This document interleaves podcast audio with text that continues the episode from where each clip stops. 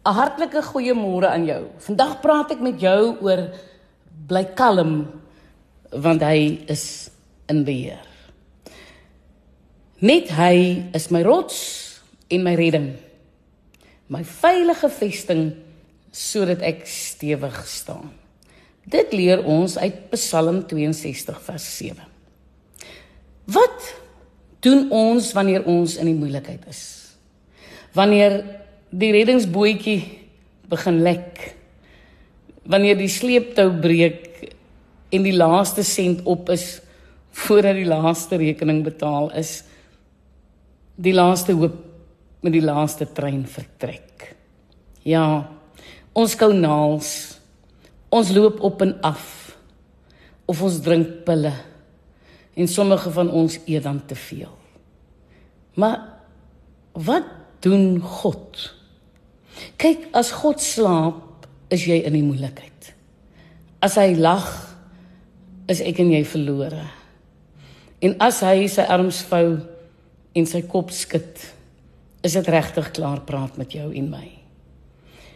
Wat doen God wanneer ons in die moeilikheid is? Weet jy wat doen hy? Hy veg vir ons. Hy klim in die kruit. Hy stuur vir my en jou na die hoek toe en dan neem hy oor en hy sê bly julle maar kalm want ek die Here sal vir julle veg. Ons lees reg daarvan in Eksodus 14 vers 14 kyk dit is sy taak om te veg en dit is ons taak om te vertrou. Nie die pad te probeer aanwys of die pad enigsins te bevraagteken nie Ook nie om die stuurwiel uit sy hande te ruk nie. Nee. Dit is ons taak om te bid en te wag. Weet julle, daar word niks meer van ons vereis nie. Niks meer is nodig nie.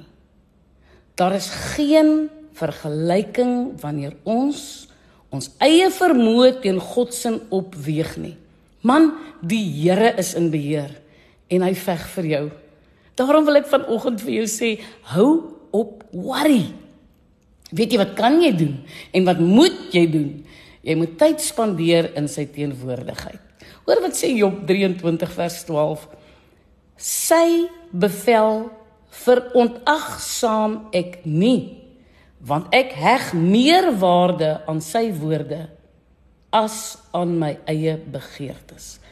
Wat 'n wyse man was Job nie. Kyk, God se kinders praat met hom. Nie net een keer 'n week nie, hoor, maar die hele tyd. En dit is vir Satan onuitstaanbaar. Hy haat geestelike fokus. Hy is baie teleurgesteld om te sien wanneer ek en jy tyd maak om na iets te luister of iets te lees wat oor God se liefde en genade handel. Jong die duiwel wil hom in elke hoekie van jou wêreld tuis maak en hy wil aandring op jou aandag. Hy wil jou so besig hou dat jy by niks anders uitkom nie. Dan wil hy jou moedeloos maak en hy wil jou laat fokus op die uitdagende dinge van die lewe.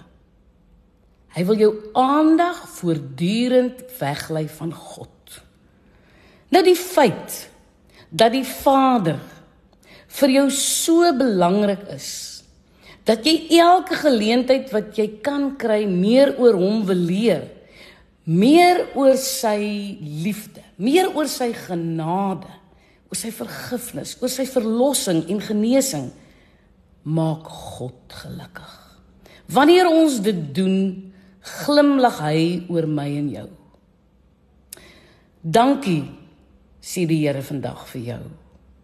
Ek is gelukkig my kind dat jy vir my tyd maak. Dankie dat ek vir jou belangrik is. En dan sê hy, ek sien uit daarna om vir jou vandag die sluise van die hemel oop te maak. Is dit nie mooi nie? Nou sê ek vandag vir jou, geniet die liefde, geniet die genade, geniet die vrede en die voorsienigheid van die Here, want hy wil vir jou goed wees.